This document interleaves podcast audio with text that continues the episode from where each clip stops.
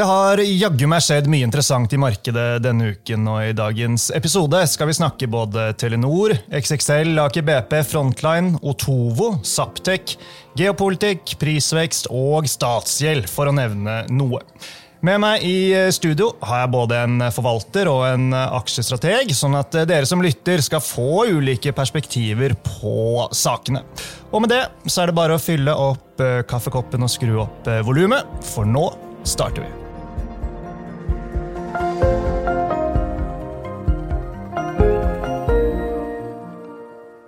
Velkommen til Utbytte, DNB-podkasten der vi forklarer hva som skjer i den globale økonomien og finansmarkedene.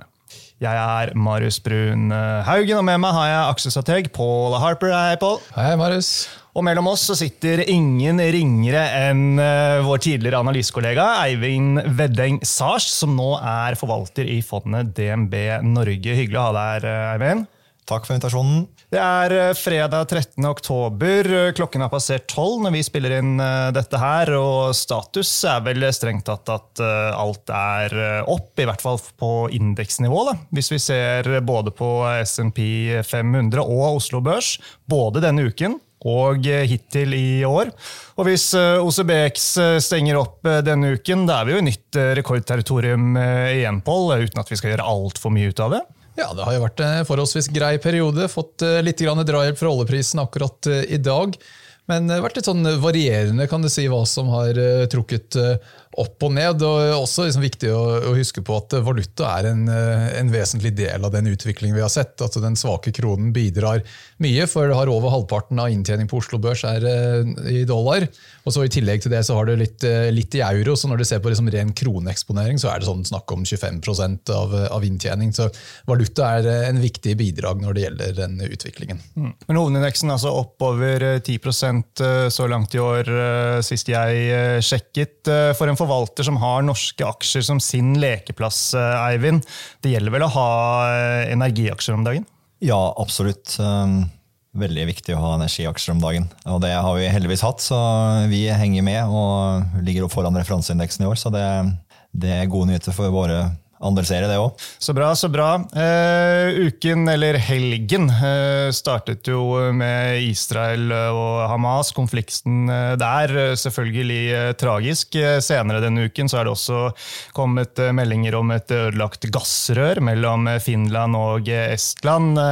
Begge deler sikkert vært bidragsytere til at olje- og gassprisen har kommet noe opp. Men én observasjon er i hvert fall at når jeg sammenligner utviklingen i oljeprisen med oljeaksjene, så er det at oljeaksjene ser ut til denne uken har steget litt mer enn det oljeprisen har gjort. Ja, det stemmer egentlig det, men drar man den grafen litt lenger tilbake i tid, så er det egentlig sånn noenlunde opp i opp. Du har enkelte perioder hvor aksjer gjør det bedre enn oljeprisen, og andre ganger hvor det går motsatt vei. Men i hvert fall når vi ser på, på Aker BP, som er kanskje reneste sånn oljeeksponering, kan du si, da, med tanke på at det ikke er så mye gass i miksen der, så er det egentlig sånn ganske si, midt på treet der det, der det pleier å være. Så jeg tror ikke det kan egentlig påstå at det, det har vært noe sånn veldig uvanlig bevegelse. Nei da. Men uh, uansett, uh, energiaksjer de uh, har vært i medvind. Analyseteamet i DNB Markets har jo kjøpsanbefalinger på stort sett alt, enten vi ser på Aker BP, Vår Energi eller Equinor. og dere, Eivind, som du var inne på, positiv til energi. Gir det fortsatt mening å, å eie oljeaksjene? Ja, vi, vi syns jo det. Når det er sagt, så har vi vært long energi gjennom hele året, og vi, vi passer jo på å ta gevinst uh, når vi kan. Så det er vel ikke noe hemmelighet at vi, vi selger oss litt ned i, i energiaksjer, blant annet, som har gått veldig mye. Men vi har fremdeles en, en stor overvekt der, da, som vi kaller det for. Mm. Og Paul, dette har vi snakket om flere ganger, men uh, altså, energiaksjene, da, for å ta med litt mer enn bare de rene oljeaksjene. Det, det, er mye spennende man finner der, og det er en av de si, få sektorene som utmerker seg eh, positivt. Ja, altså jeg synes Energi er som en av de sektorene som du kan faktisk regne hjem på prising. Vi syns at børsen generelt sett er dyrt, og da tenker jeg ikke sånn, nødvendigvis norske aksjer, men mer sånn generelt internasjonalt også. Men akkurat oljeselskapene, stort sett så handler de på PM-multiple på sånn 7-8 eller enda litt lavere på noen av de, de mindre. Og du har da en oljepris som ligger sånn pluss-minus omtrent der hvor konsensus er. Så det er ikke sånn åpenbart at estimatene er for høyt uh, om dagen, så da gir sånn den PN-multiplen noe mening. Det var litt annerledes tidligere på året hvor konsensusestimatene for oljeprisen lå en del over der hvor oljeprisen var, så da kunne du si at da, da var det implisitt en slags forventning at inntjeningsestimatene skulle ned. Men nå syns jeg det er sånn forholdsvis priset, eller i hvert fall estimatene virker ganske fornuftige. Prisingen er litt under historisk snitt, så sånn sett synes jeg er liksom en av de få sektorene som det går an å, å regne hjem prisingen på nå. Tankaksjer med Frontline i eh, spiss har det også vært full fart i uh, denne uken. Uh, Frontline har jo vært ute og vist at de vokser flåten ja, med et marked i medvind. Skal man bare henge på i Frontline, Eivind? Ja, det er et godt spørsmål. vi, å, å time shippingaksjer og tank kanskje spesielt, det er jo en ekstremt vanskelig øvelse for oss som ikke sitter kjempetett på, um, på siste slutninger eh, som er gjort um, mellom, uh, med skips, skipsmeglere, basically.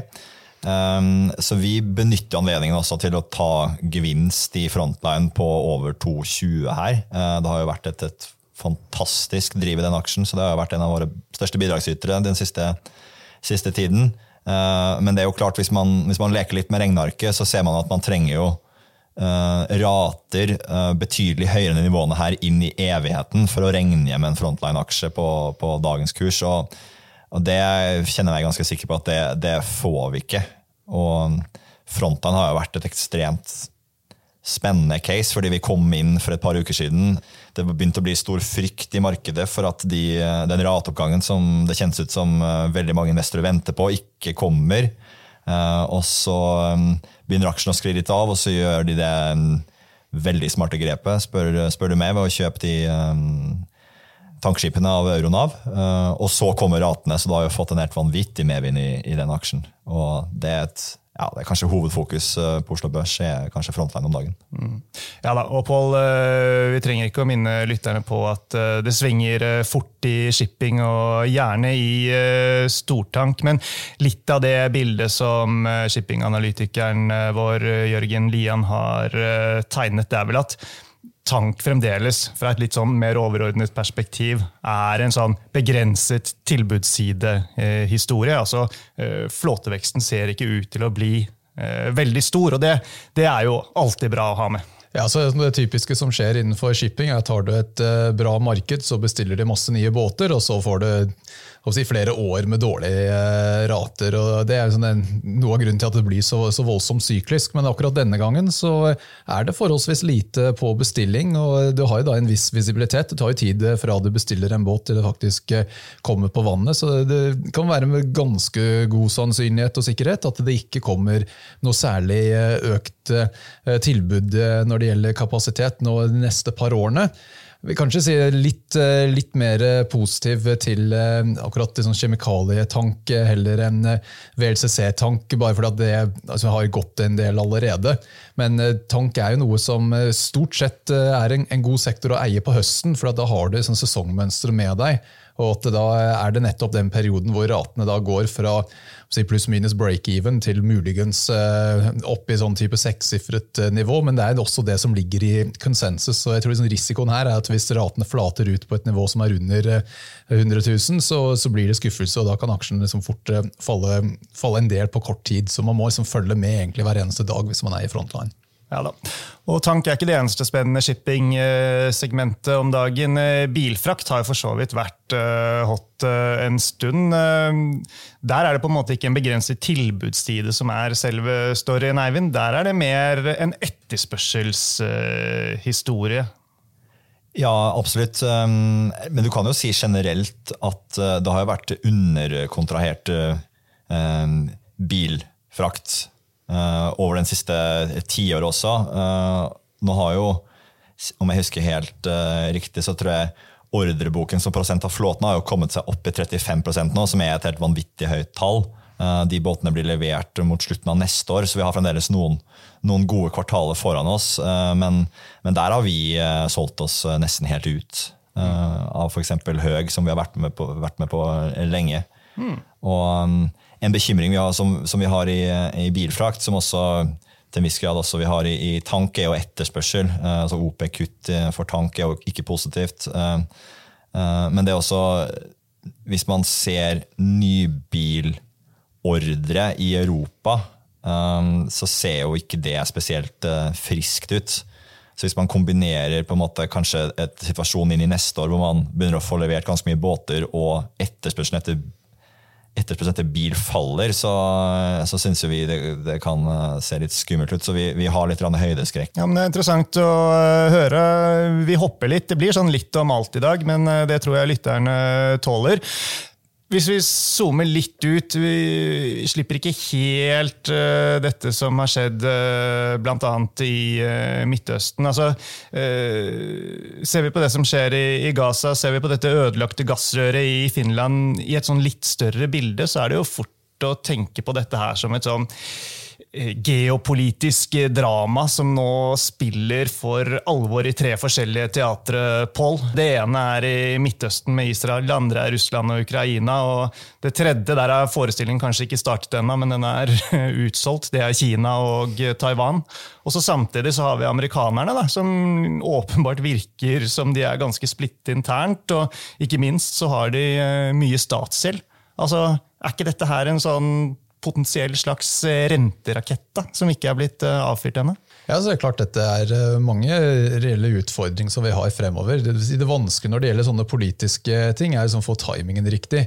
Og Det er ofte sånn med politiske events kan du si, at det blir eh, mye sånn, eh, volatilitet og støy akkurat idet det skjer, og så viser det seg at det går greit allikevel. Så det, det, blir en litt sånn veldig Man har lært til at det er liksom en dipp man alltid skal kjøpe, men det er jo sånn at sånn si, hvis det skulle skje et eller annet i, i Taiwan, så er det noe på et helt annet nivå enn det vi har sett andre plasser. og du var sånn omtrent nesten inne på det, men eh, nå er det ikke så lenge før valget i USA plutselig blir et eh, fokusområde. Du tenker at eh, Som investor tenker typisk sånn seks til ni måneder sånn rullerende fremover så er jo da det valget noe som da kommer absolutt inn i den perioden når vi kommer inn i starten av neste år. og Da har du som først de primary-valgene osv. Du kan tenke deg som det valget, uten å prøve å spå hvordan det kommer til å gå, så tror jeg ikke det er veldig usannsynlig, og det blir en ganske sånn grisete affære hvor det, det, virker som til stor grad så er det mer det å folk stemmer ikke på noen, de stemmer mot noen. og Hele den prosessen der kan jo fort bli noe som skaper veldig mye støy i markedet. Mm. Nei, men, og Jeg sier ikke at eh, vi liksom er på randen av dramatikk, men vi har et sånn geopolitisk bakteppe da, som ikke har vært uh, så ille da, som det er på veldig veldig mange år. Uh, og det er greit å huske på, er det ikke det? Ja, da Ting kan fort eskalere, og det er jo nettopp det når man har vært vant til at dette stort sett går greit. Så, så blir det jo alltid det ene tilfellet hvor de ikke gjør det. Og konsekvensen av at de ikke gjør det, hvis det skulle være tilfellet, kan jo da bli ganske dramatisk. Så det har liksom den halerisikoen som ligger der. Liksom oddsen for at noe skjer, er kanskje lavt, men det er ikke null. Og det er det som liksom er den, eh, det litt skumle her. at det, hva som helst kan fremdeles uh, skje, og det kan da ha store konsekvenser. Ja, og Så har vi dette her med amerikansk gjeld. Der var det også noen signaler denne uken, var det ikke det, Pål? Ja, så jeg synes faktisk Det er kanskje det som er mest interessant akkurat nå. Vi har egentlig hatt dette som en del av vårt vårt eh, si, market outlook nå det siste året. At når du ser på eh, utvikling i amerikansk statsgjeld, så eh, går det så å si nesten helt eksponentielt eh, oppover nå. Ikke minst pga. alle disse forskjellige stimulanseprosjektene som du har. Det er Chips Act og Inflation Reduction Act og Jobs Act. Det er liksom masse, masse av disse forskjellige type stimulanseprogrammer som er satt i gang i USA. Så de kjører et budsjettunderskudd som er nesten like stort som det var under finanskrisen på, på det verste. Så det er klart at det, det, er en risiko at på et eller annet tidspunkt så kommer markedsaktørene til å si at uh, vi er ikke villige til å funde amerikansk stat på 4,5 eh, rente. Jeg tror mange har liksom trodd at eh, renten er liksom midlertidig høyt og den kommer ned igjen. Der er vi egentlig et helt annet sted og tror at renten er kanskje nå pluss-minus fair, men at det heller balanced risks er på oppsiden her. Nettopp fordi at man skal egentlig si, fortjene en høyere Eh, rente når eh, gjeldsnivået er mer enn det dobbelte av det det var for noen år tilbake. Og Spesielt da når den gjeldsprofilen ser ut som det gjør, hvor det gjeldsnivået da bare blir høyere og høyere, og du har disse politiske risikofaktorene. og da, som det var litt inne på, Vi hadde en eh, sånn gjeldsauksjon eh, i går som, hvor det var ganske dårlig etterspørsel, og det skapte litt, eh, litt usikkerhet i, i, markedet. og Da kan vi også trekke litt paralleller tilbake til i fjor høst i Storbritannia, hvor Liz Truss, da, som veldig kortvarig statsminister, prøvde å komme med et budsjett hvor vi skulle kutte skatter, og markedet sa nei, det er vi ikke, er vi ikke med på. Så det er sånn Bond vigilantes, sånn noe som vi ikke har hørt om siden 90-tallet, er noe som absolutt eh, nå begynner å bli nevnt igjen. og Det kan, eh, kan gjøre at det blir litt mer dramatisk i gjeldsmarkedet også. Ja. Inflasjonsdataene, særlig fra USA, pleier vi å holde et øye på. De kom eh, denne uken. og eh, ja, Inflasjonsnedgangen eh, kan det se ut som har mistet litt momentum på. Prisveksten overrasket i hvert fall litt på oppsiden i september der borte. Ja, det var helt marginalt. Jeg tror ikke det er noe sånn voldsomt dramatisk akkurat det der. Jeg tror liksom Den underliggende trenden er fortsatt fallende, så det som er egentlig mer interessant, syns jeg, er hvilket nivå lønnsveksten stabiliseres eh, på. Den kommer jo også ned, men det er det som er liksom den underliggende langsiktige driveren av inflasjon. Og Da er det antageligvis et stykke ut i neste år før vi egentlig kan eh, vite på hvilket nivå det faktisk stabiliserer seg på. Så Stabiliserer det seg på et eller annet sted eh, og siden høyt på tretallet eller over 4% så blir det veldig vanskelig å få inflasjonen ned til 2 eh, Men kommer det fortsatt ned, så kan dere liksom legge til litt produktivitetsvekst, og et eller annet sted i underkant av 3, så, så er 2 helt plausibelt. Ja, kan, kan bare legge til der at uh, etter vi så de inflasjonsdataene i går, så, så reagerte jo markedet egentlig med et skuldertrekk. og vi er litt uenige med enkelte som går ut i media og sier at det var veldig overraskende på oppsiden. Det som trakk renten opp i går, var jo den auksjonen som, som Pål nevnte. Bare så, så, det, så, det, er nevnt. Ja, bra. Godt uh, poeng. Uh, men sånn summa summarum, da. Hussynet her, Pål, fra makrogjengen til Kjersti Haugland, er at ikke tror det kommer en heving i november, men at sannsynligheten for en heving i desember har eh, steget noe. Ja, jeg tror i hvert fall Når det gjelder eh, hva sentralbanken skal gjøre, så blir de jo også påvirket av eh, markedsrentene. For kommer rentene opp Det er jo det sånn, aktørene i økonomien betaler. De betaler ikke sentralbankrenten.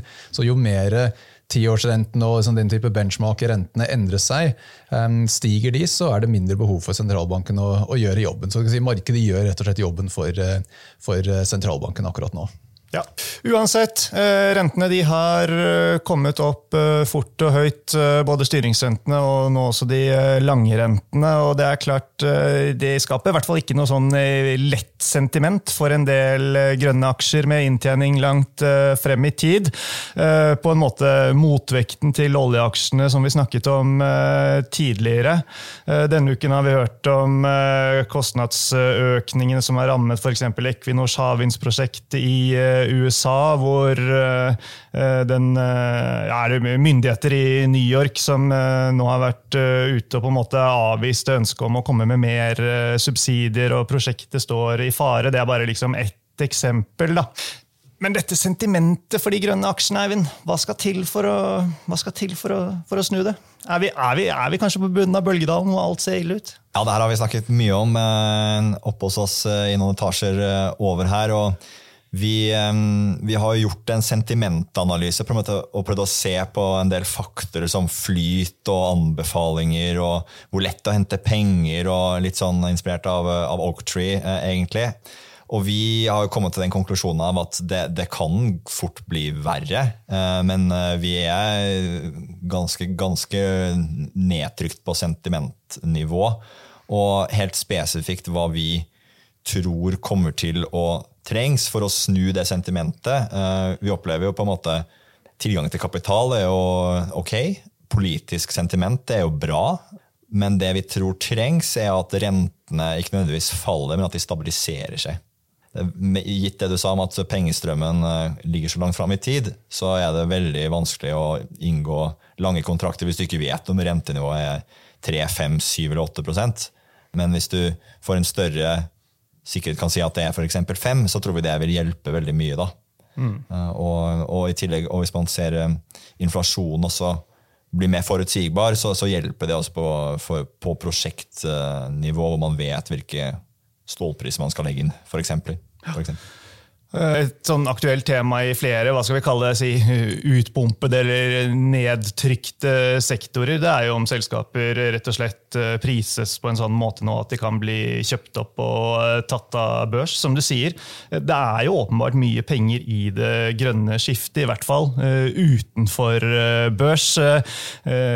I forrige uke så uh, var jeg på scenen med en fra Nysnø. Da kunne han fortelle at de akkurat hadde fått x antall eh, milliarder i tilskudd for å investere enda mer penger inn i ja, nær sagt uh, alt som går på transisjonen og det, det grønne skiftet. Uh, så vi kan vel kanskje snart komme dit at selskapet vil bli kjøpt opp og, og og tatt av børs. Man kan i hvert fall ha det i bakhodet, selv om man kanskje ikke skal basere investeringscaset sitt på det. Nei, nei, vi gjør ikke det, um, men absolutt en, en oppsiderisiko. og jeg synes jo um, Otovo er et eksempel på det, hvor de går ut og selger deler av asset-porteføljen sin på et avkastningskrav som er milevis lavere. Det betyr altså at du kan gi en mye høyere pris enn det aksjemarkedet var villig til å prise de assetene på. Og Det viser jo at uh, aktører av børs har kanskje litt annen kalkulator enn en oss. da. Mm. Otovo, eh, som du nevner, altså eh, Analysteam til The Markets har en kjøpsanbefaling der. Kursmål 16 kroner. De gjorde en, en, deal med Swiss Life Asset Management, hvor DNB Markets var en av rådgiverne. Det får vi ta med. Er det, det er leasingporteføljen de solgte her, eller blir det feil navn på, på det? Nei, det er riktig. Ikke sant? Så, men poenget er, sånn som jeg har skjønt det, som jeg vil kanskje tro at du er enig det er at med dette salget her så viser de at det er et marked. Altså det er en kjøper her. Og det er vel, det er vel positivt for eh, alle som sitter og er Otovo-aksjonærer, vil jeg tro. Ja, jeg vil jo si at det beviser eh, Kall det proof of concept på den leasingporteføljen. De, de har jo på en måte skapt en, en asset-klasse med et sånt leasingprodukt for eh, solceller på tak. Så det er jo et veldig spennende en veldig spennende transaksjon, veldig innovativ, og at en, en sånn aktør går inn og verifiserer det eh, med det avkastningskravet. Hvis man er skeptisk, så gir man jo ofte et veldig høyt avkastningskrav, men her var jo avkastningskravet som vi var inne på ganske lavt. Det er jo, det er jo et, kall det sånn du tikker en boks da, eh, når man titter på, på Tovo, et selskap som har blitt møtt med voldsom skeptis eh, i, eh, i, aksjemarkedet og, og, i media, så, så det var ordentlig spennende. Mm. En ting som slo meg eh, når jeg begynte å tenke på dette her, altså hva skjer eh, med en leasingavtale? Altså når du velger å, å lease for å sette solpaneler på huset ditt, eh, hva skjer da hvis du av en eller annen grunn flytter ute fra det huset. altså Solcellene er jo skrudd fast i taket. Men eh, det får vi heller snakke med, med Andreas eh, om, som eh, styrer Otovo. og Det får vi ta en annen gang. Over til en annen aksje som du er opptatt av om dagen, hvis jeg har forstått det riktig, Eivind. Den er også en grønn aksje, men i en annen del. Mer elektrifisering fisering, klarer aldri å si det ordet riktig, tenker på eh, Saptek. Hvorfor er det spennende? Det er jo helt merkelig, om jeg kan få si det. Her har du et selskap. Um, de gjorde en, en emisjon på 27 kroner uh, tidligere i år for å ta på en måte sin del av veksten i det store elbillademarkedet i Europa. Så går uh, hovedkonkurrenten Easy får problemer med godkjennelsene i Sverige og går De går ikke konkurs, blir ikke konkurs, men de får store problemer med å få solgt laderne sine. Uh, Saptek tar nesten 100 De tar absolutt all den markedsandelen de klarer med sin produksjonsevne. Og salget har jo mer enn doblet siden da. Og aksjen står nå 20% lavere. Så det, det, det, er jo et eh, Det er litt fiffig, syns vi, da, som er veldig opptatt av inntjeningstrender i, i selskap når vi, når vi investerer. Mm. En siste av disse grønne aksjene jeg tenkte vi skulle snakke om, det er uh, Tomra. Og Pål, der har uh, Niklas, som nå dekker aksjen Du fulgte jo den i uh, gamle dager for noen år siden, Eivind, når du var på analyseavdelingen til DNB Markets. Men i hvert fall så har vi kommet ut med en oppdatering der. Der gjentar salgsanbefalingen på aksjen. Kutter kursmålet fra 140 til 100 kroner, Pål. Ja, jeg synes Det er en av de aksjene som har vært veldig vanskelig å egentlig forstå hvorfor markedet var villig til å prise det så høyt på veien oppover. Jeg tror det var mange analytikere som også klødde seg i hodet med akkurat det. Det var eh, så å si umulig å regne hjem den prisingen, men aksjen bare fortsatte oppover. og oppover. Og Det illustrerer det aksjemarkedet at eh, når du har momentum med deg, så kan jo ting gå mye lenger enn du tror er mulig. og Det er også tilfellet på vei nedover. Men jeg tror ikke det er der vi er enda i Tomra, for det er snakk om en PM-multiple på rundt 26 eh, ganger. Jeg syns ikke det selskapet er så eksepsjonelt at det skal prises veldig mye høyere enn liksom vanlig industriselskap, så jeg tenker at det skal være PM-multiple på under 20 et eller annet sted. Det er sånn fe på, på, den. Så de, de har si, Enkelte deler av businessen går bra, enkelte deler går mindre bra. og, og si, den Veksten i pantemarkedet har jo gått noe tregere enn jeg tror mange hadde antatt. Så Skottland var som et, noe som skulle bli et nytt marked, men det har jo tatt lengre tid enn antatt. Og den food sorting-delen har jo egentlig gått litt tungt nå i de siste to-tre årene. Så hvorfor den skal prises så mye høyere høyere enn mye annet eh, innenfor sånn sammenlignbar selskap, eh, syns jeg egentlig er vanskelig å komme frem til. Så jeg synes egentlig den, eh, Når du har såpass dårlig kursmomentum og prising fortsatt er høy, så syns jeg det er absolutt lett å være enig med den salgsanbefalingen. Ja, vi får høre om Eivind har et annet syn på saken. Nei, jeg ville bare legge til at grunnen til at man på en måte var villig til å prise tommerandel høyere enn kanskje sammenlignbare eller industriselskap, er jo at du har en opsjon på at på et eller annet tidspunkt så blir det pant i hele Europa, for det har EU bestemt. Eh, men den opsjonen den virker jo å forvitre hver dag med nyheter i Skottland. Det er sterk motstand i resten av UK eh, mot å, å, innføre det systemet i sin nåværende form. Frankrike var ute og snakket om at det her blir eh, vanskelig. Um, så det har jo på en måte alltid vært uh, hvordan man, man, priser tomla. Du tar nåverdien av dagens uh, drift, og så legger du på en eller annen opsjonsverdi på Pant Europa. Uh, og, og, der er du fremdeles, på en måte. Så, så helt enig at aksjene er fremdeles veldig dyr, og vi holder oss nesten helt unna. Mm. Mange gode intensjoner, men fasiten foreløpig er at ting tar tid i Europa, som, som så mange andre ting, uten at vi skal gå inn på det nå. En annen aksje som vi skal eh, innom, det er eh, Telenor. For eh, også i starten av uken så kom analystteamet ut med en oppdatering der. Vi har skiftet analytiker etter at Frank Maaø sluttet her hos oss og gikk til nettopp Telenor for å bli IR-sjef der. Kristoffer Wang Bjørnsen har overtatt dekning, og han startet denne uken med en salgsanbefaling og eh, kursmål på 110 kroner. Så nedgraderte både kursmålet betydelig og endret fra eh, det som tidligere var en kjøp, til en salgsanbefaling. Pål, hvorfor det? Ja, Det er litt, litt, forskjellige ting. Jeg tror Noe av det er litt sånn opportunistisk. at uh, aksjen har gått uh, forholdsvis sterkt hittil i år, og bedre enn de fleste andre Telekom-aksjene. og Det kan si at det er nok delvis fordi at markedet har liksom begynt å legge til grunn at disse forskjellige type uh, transaksjonene de har liksom redusert eksponeringen i Asia med å, selge seg ut og gå inn i joint ventures og, og, sånne type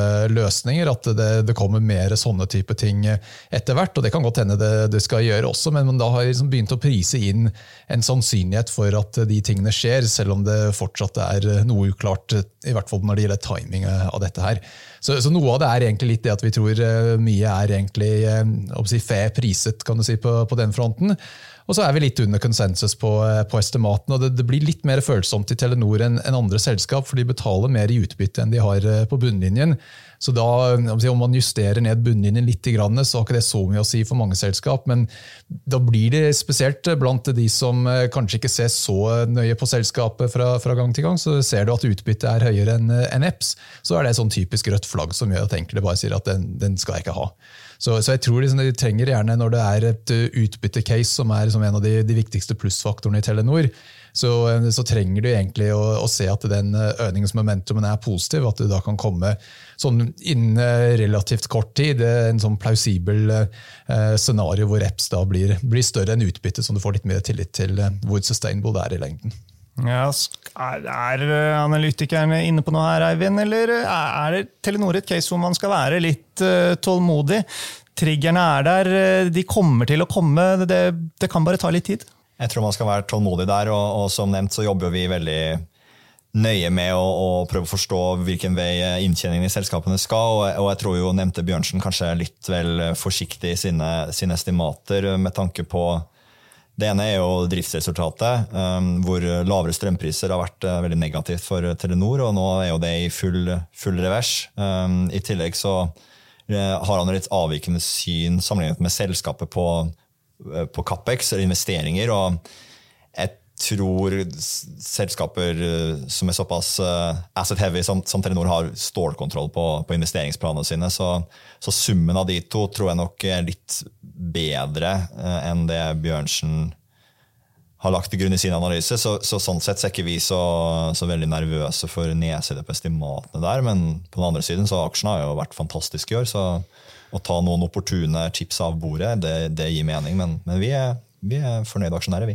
Ja, og det sagt så får Jeg også ta med at eh, jeg synes jeg så at det var eh, flere andre meglerhus som var ute med nedjusteringer av eh, kursmål denne uken på Telenor. Men nok om det.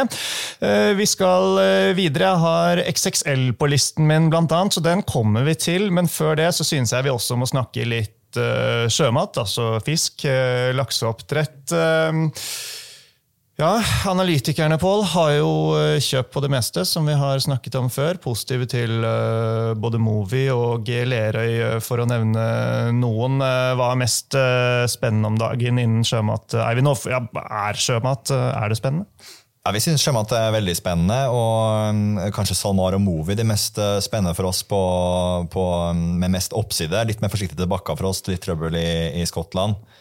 Um, men sånn generelt sett så syns vi jo um, Hvis man ser på markedsbalanser og utsikter for laksepriser, ser jo um, det ser veldig stramt ut. Så vi tror at prisene skal opp, og vi er jo på et nivå her i sesongen, hvis man, hvis man bryr seg om det, hvor også laksepriser typisk går, går opp, og, og, de er jo ikke dyre. Uh, de er ikke dyrt priset i et uh, historisk perspektiv. så så vi er veldig konstruktive på, på laksesektoren. Mm. Og dette harminerer jo godt med hvordan du tenker, Pål, bl.a. gjennom eh, porteføljen med anbefalte aksjer. Ja, så Vi er overvektet der med å ha to sjømataksjer. og Det er egentlig de punktene som du, du nevner. at det er eh, forholdsvis attraktivt priset, eh, syns vi, i hvert fall relativt til historikken. Og eh, det er en sånn riktig tid på året for å eie sjømataksjer også. At du får gjerne en oppgang i lakseprisene som gir en, eh, en hyggelig medvind. Så jeg syns egentlig at sektoren ser, ser absolutt interessant ut nå.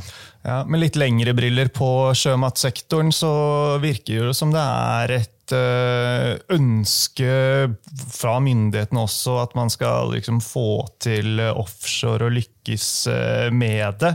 Eh, men så sitter næringen og sier at ja, her må rammebetingelsene på plass. Altså har man har man kommet noe lenger der nå, etter budsjettet og, og lignende? Har det kommet noen nye signaler fra f.eks. SalMar i det siste, Eivind, som jo er ledende her? korte svaret på det er jo nei. Eh, så lenge man ikke vet om det blir grunnrentebeskatning på offshore, så kommer det ikke til å bli noen investeringer offshore. Tror jeg, i hvert fall. Det var det, det var det, jeg ville frem til. Men, eh, men, offshore, fortsatt noe man skal eh, holde et øye på, eller hva?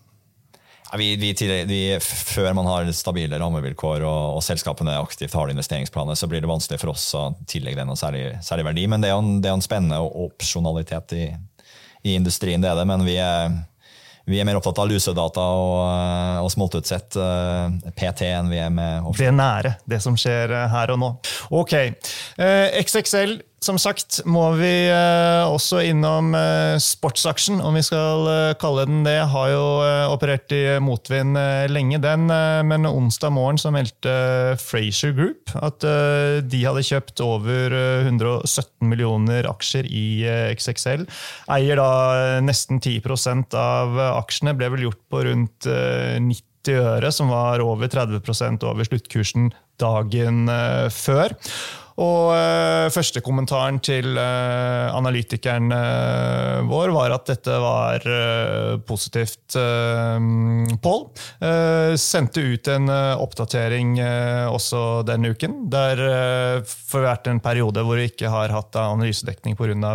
corporate oppdrag, men hvor man sier kjøp, og at utsiktene er blitt snudd til det bedre. Er det sånn noenlunde kortversjonen?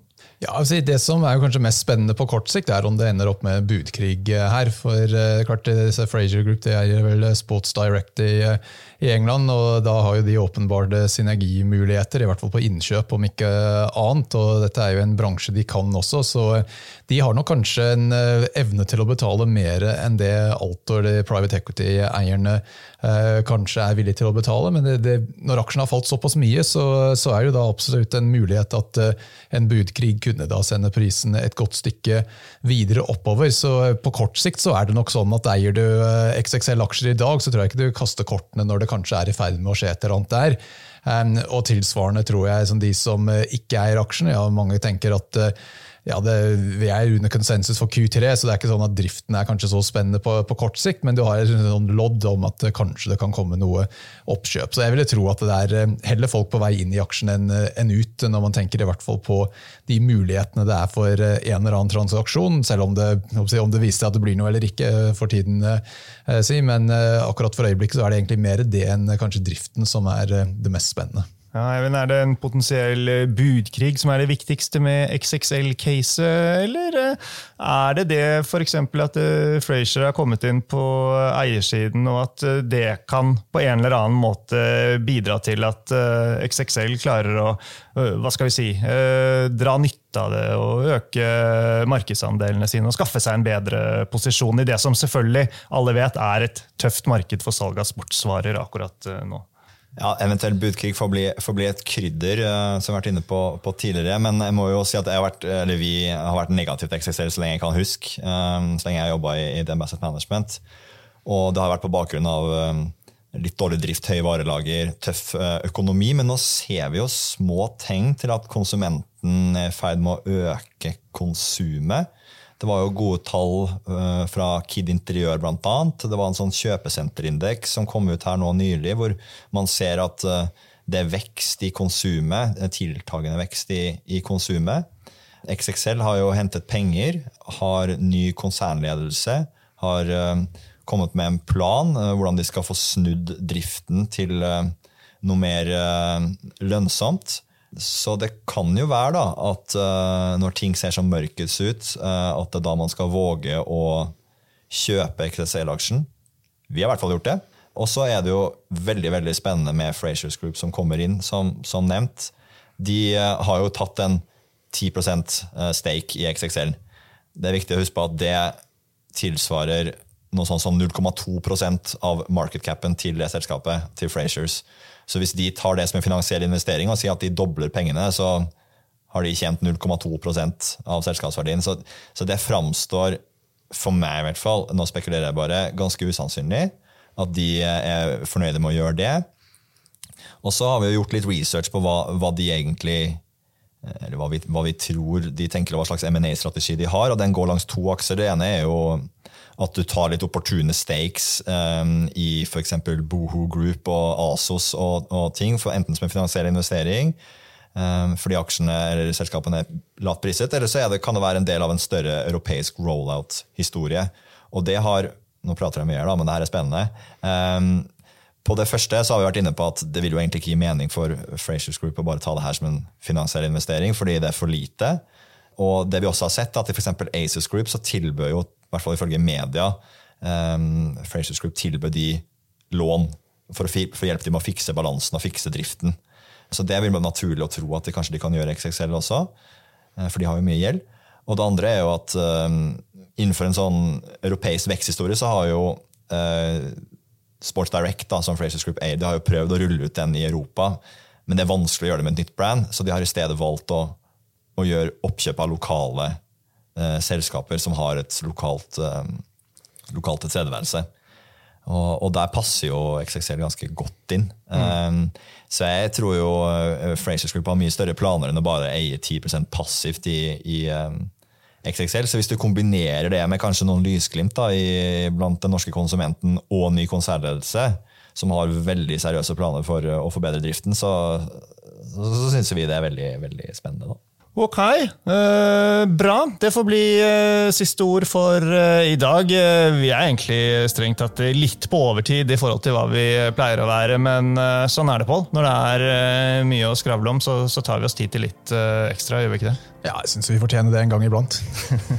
Vi får håpe lytterne er enig i det. Med det så gjenstår det bare å si tusen takk til dere begge for at dere var med. Og sist, men ikke minst, tusen takk, folkens, til alle dere som hørte på.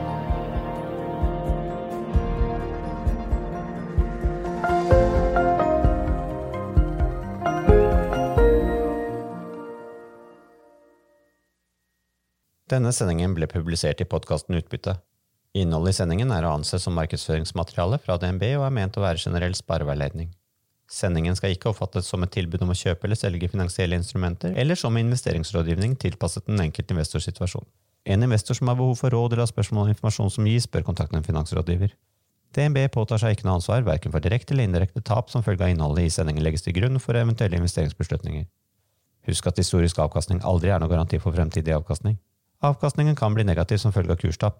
Bruk av prognoser for å beregne fremtidig avkastning er heller ingen garanti for fremtidig avkastning. Innholdet i sendingen bygger på informasjon fra offentlig tilgjengelige kilder som DNB ser på som pålitelige, men som ikke er uavhengig verifisert. Følgelig gir DNB ingen garanti i forhold til nøyaktighet og fullstendighet. Alle uttalelser her reflekterer DNBs, den enkelte ansatte, eller andre tredjeparts vurderinger på tidspunktet for den aktuelle sendingen, og kan i ettertid endres uten nærmere beskjed. Ytterligere informasjon om annet kildebruk og interessekonflikter er tilgjengelig på dnb.no skråstrek invest, bindestrek disclaimer.